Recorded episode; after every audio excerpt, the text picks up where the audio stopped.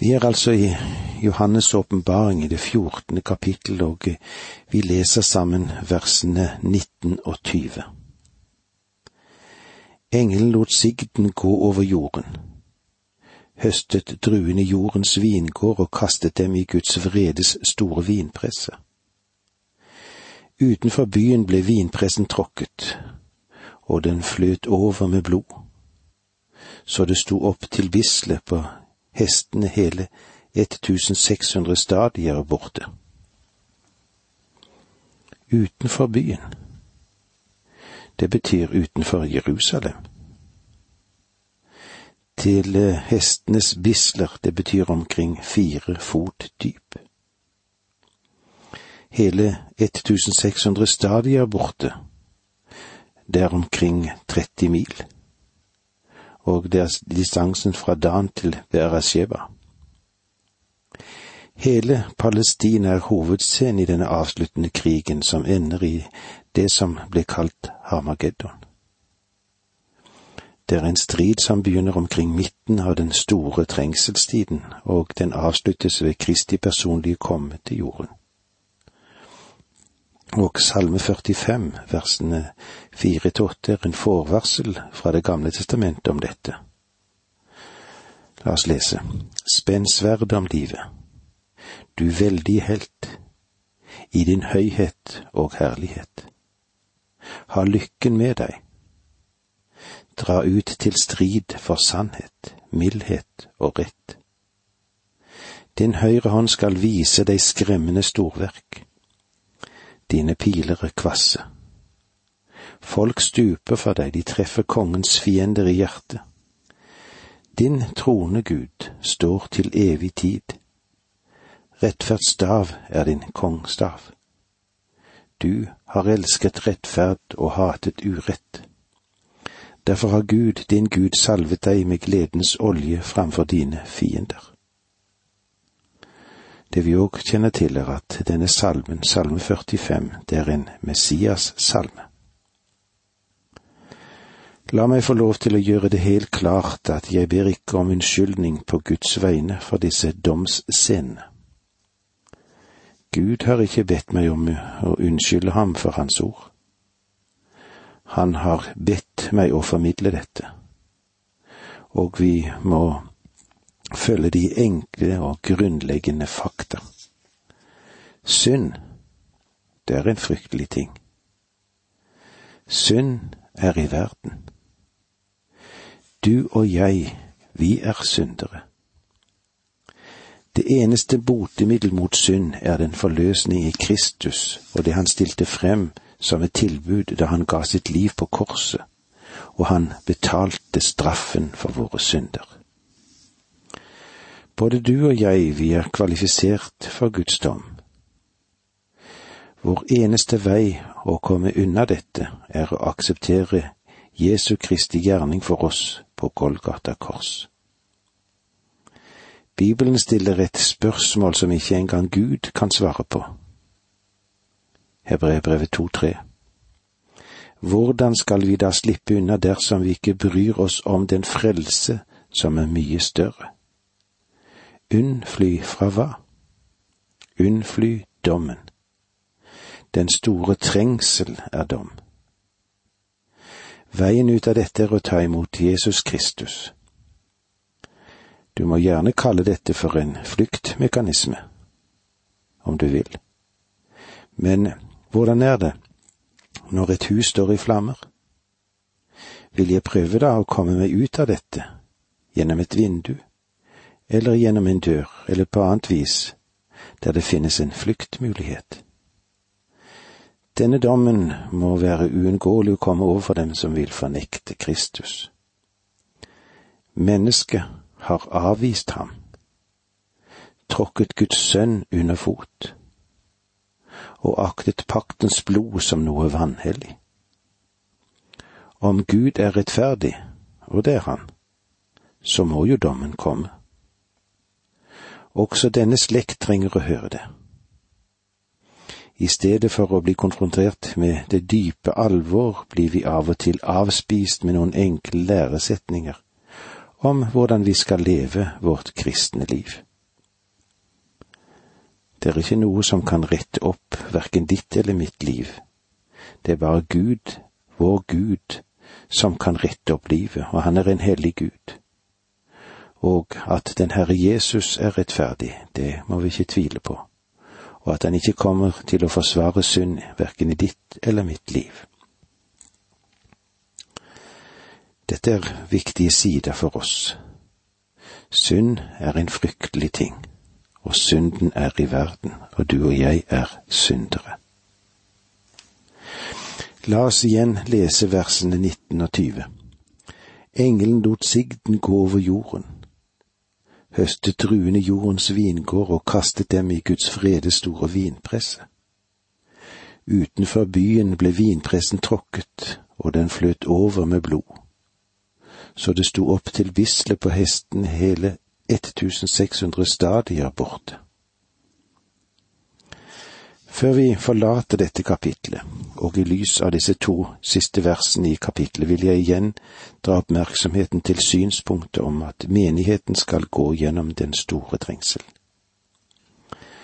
La meg få lese et klipp fra en artikkel. Det er et umodent syn på kristendommen som dukker opp flere steder i landet. De som ikke har dype røtter i Kristus, vike tilbake for det syn at Gud vil prøve sitt folk med en trengselsperiode, eller at han vil bruke lidelse for å hjelpe menigheten til å bli rede som Kristi brud.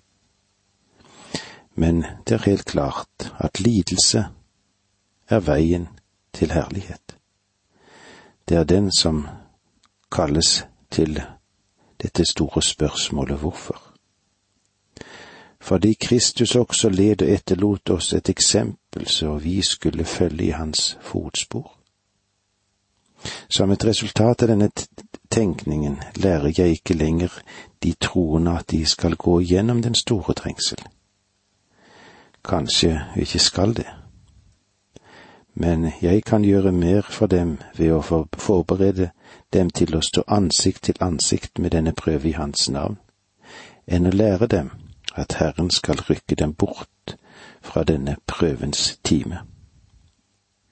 Det var altså en artikkel som sto i en avis, og i den artikkelen står det også dette er en veldig vekst i det mennesket som ifører seg Guds fulle rustning, så det kan bli stående på den onde dag. Jeg vil at dere skal vite at den store trengsel ikke er noe sted som den som kalles den onde dag. Den blir kalt Guds store vredesdag.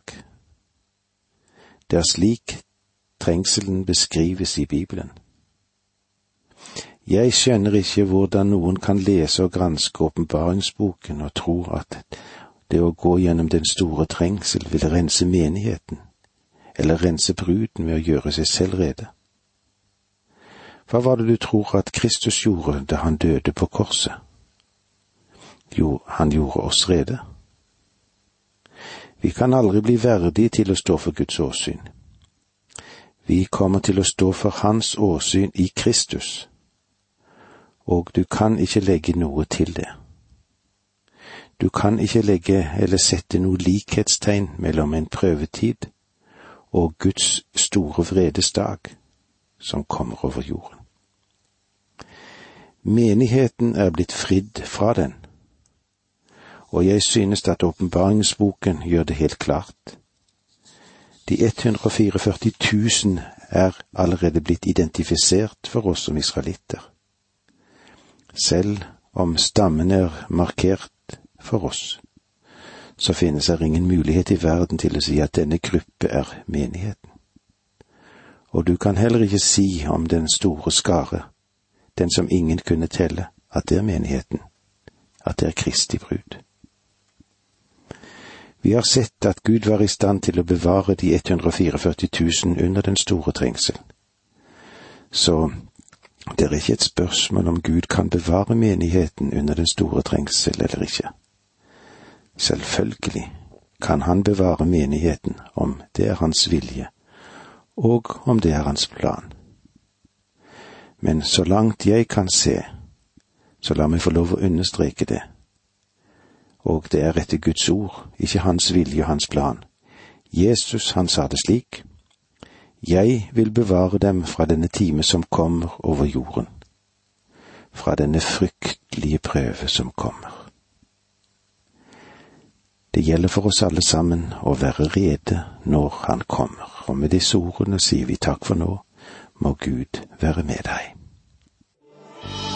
Dette undervisningsprogrammet består av to deler. Åge Nevland fortsetter nå med andre del av dagens undervisning. Vi er i Johannes' åpenbaring, denne boken som har et budskap til oss troende å si og gi oss, og det er en vidunderlig bok, samtidig som mange synes det er en vanskelig bok. Den er god for oss fordi vi vet at her er det et klimaks som kommer, og vi nærmer oss avslutningen av denne tidshusholdningen når vi ser inn i denne boken.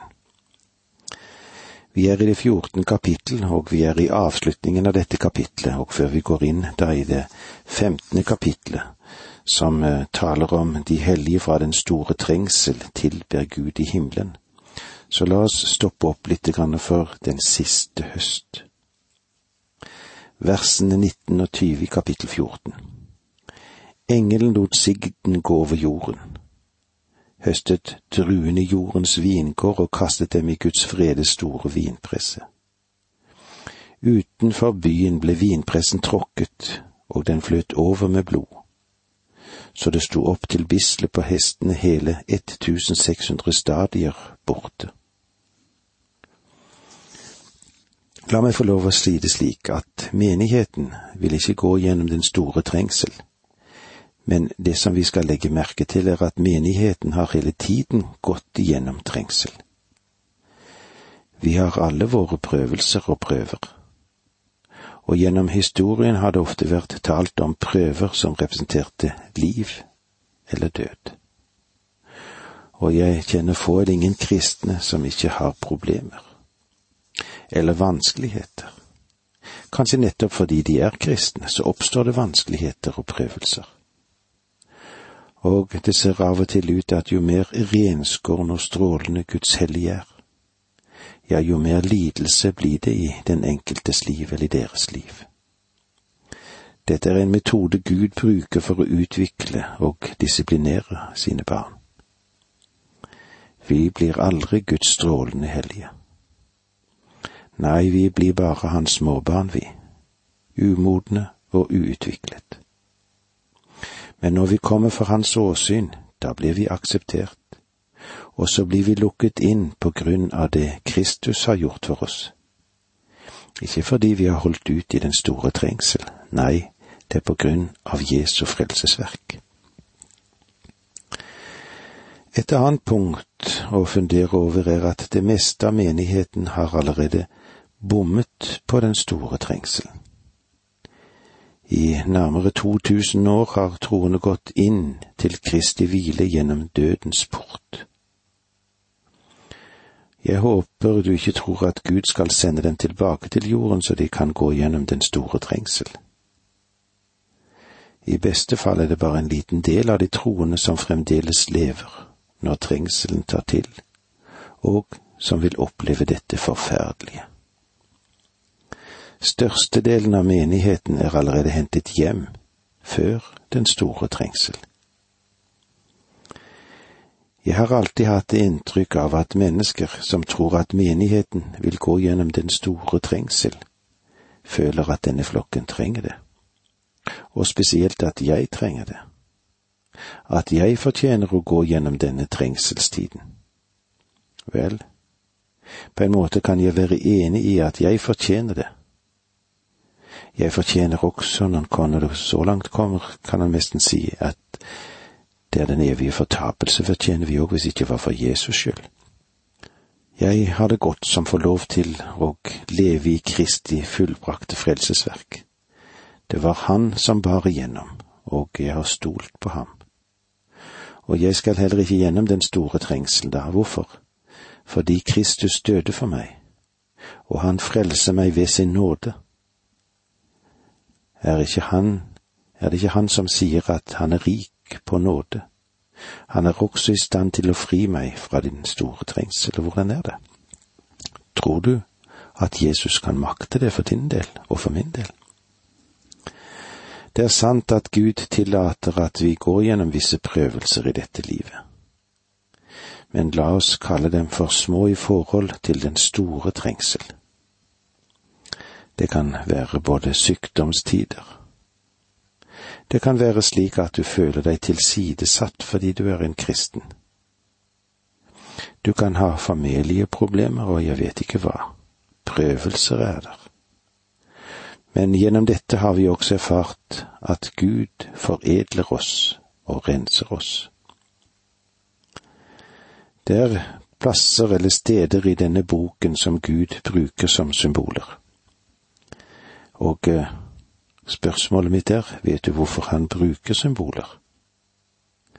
Det gjør han ikke for å bortforklare eller mildne fakta slik at vi kan overse dem, men fordi de er realiteter som symbolet representerer. Det er langt verre enn symbolet. Mange av de ting som Johannes prøver å beskrive for oss, unndrar oss enhver beskrivelse.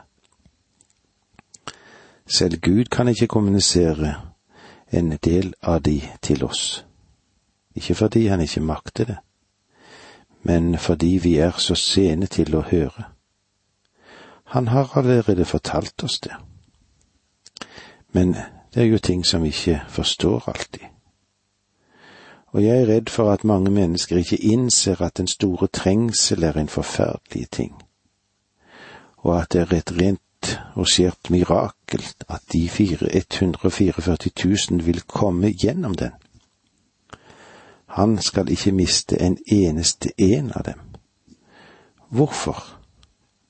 Fordi de vil være store, sterke, robuste personligheter Nei da. De vil komme gjennom dette og overvinne dette på grunn av lammets blod. Det er slik de skal komme gjennom. Nå går vi inn i kapittel 15, og i dette kapitlet møter vi enda et tegn fra himmelen. Sju engler med sju siste plager, eller med de sju siste plagene. Kapitlene 15 og 16 hører sammen fordi vi i dem møter alle de sju vredeskålene som blir tømt. Jeg kan bare forestille meg at du trodde det var det verste nå som var over, men det verste står enda igjen. Vi har allerede møtt de sju segl, de sju trompeter og de sju skikkelser. Og nå kommer det som er det verste av alt, de sju vredeskåler. Kapittel 15 er ved siden av å være det korteste kapittelet i åpenbaringsboken, preludiet til den siste serie av domsaktivitet som skal komme over jorden. Den vil komme under den store trengsel. Disse dommer er det meste, sterkeste og intense og det mest gjennomgripende av alt som har gått forut. Hensikten med den store trengsel er dom. Det er ikke med tanke på å rense menigheten. Det er for å gi Satan sin siste mulighet. Gud vil fjerne menigheten før denne prøvetiden på grunn av sin veldige og herlige og gode nåde. Er du villig til å ta imot Hans nåde, da kan du unnfly den store trengsel. Tro meg, vredeskålen er ikke det velsignede håp, som troende ser henimot. Nei, vi venter på at vårt håp skal få sin salige oppfyllelse og at vår store Gud og Frelser Kristus Jesus skal komme til syn i herligheten, som det står i Titus 2,13. Om vi vil vokse i kjærlighet sammen med ham, vil vi ikke se på dommen ved den store trengsel som gruvekkende. Du behøver ikke stikke hodet i sand som det sies at strutsen gjør, og nekte å lese åpenbaringsboken. Da er du på ville veier. Om du stoler på Kristus, så skal du ikke gå gjennom dette. men det du trenger er å vite hva den ufrelste kan ha å gå gjennom. Og det kan gjøre deg til et nidkjært vitne for Kristus i disse vanskelige tidene. Før disse englene begynner å tømme ut vredeskålen, så kan det fremdeles være et spørsmål i mange av de troendes tanker, om de kunne da være i stand til å stå seg imot Antikrist. Tror du vi makter det? Om det spørsmålet ikke er blitt besvart tilfredsstillende tidligere, så vil det bli besvart her. Det skal være noen som vil være i stand til å bli stående. Først av alt vil vi her se forberedelsen til den endelige dom under trengselen. De hellige fra den store trengsel tilber Gud i himmelen. I de fire første versene møter vi de hellige fra trengselstiden i himmelen, der de tilber Gud fordi han er hellig og rettferdig. Og så er dette et mellomspill. Og eh, vi tar med oss det som står i det første verset i Åpenbaringen 15. Deretter så jeg et annet tegn i himmelen, stort og forunderlig. Sju engler med sju plager som er de siste, for med dem er Guds frede fullbyrdet. Det var eh, så langt vi kom i dag. Tiden har gått for oss, og vi må si takk for nå. Må Gud være med deg.